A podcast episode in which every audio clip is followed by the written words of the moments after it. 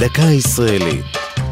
השבוע לציון 60 שנה למשפט אייכמן, והפעם קצטניק. אחת התמונות הזכורות ביותר ממשפט אייכמן היא עדותו של הסופר יחיאל דינור. דינור, הידוע בשם העט קצטניק, כינוי לאסיר במחנה ריכוז, היה מן היהודים המעטים שפגשו את אדולף אייכמן בתקופת השואה ונותרו חיים אחריה. במהלך עדותו קם דינור בן ה-52 מכיסאו, ומרוב התרגשות התמוטט על רצפת בית העם בירושלים והתעלף. הוא הוצא מאולם בית המשפט על אלונקה.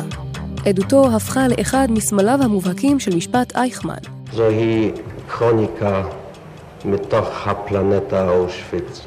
לתושבי פלנטה זאת לא היו שמות. השם שלהם היה המספר קצטניק. דינור נולד בפולין בשם יחיאל פיינר. במהלך השואה שהה במשך כשנה וחצי במחנה ההשמדה אושוויץ-בירקנאו, שם גם נספתה משפחתו. לאחר שחרורו החל דינור לתעד ולספר את חוויית השואה.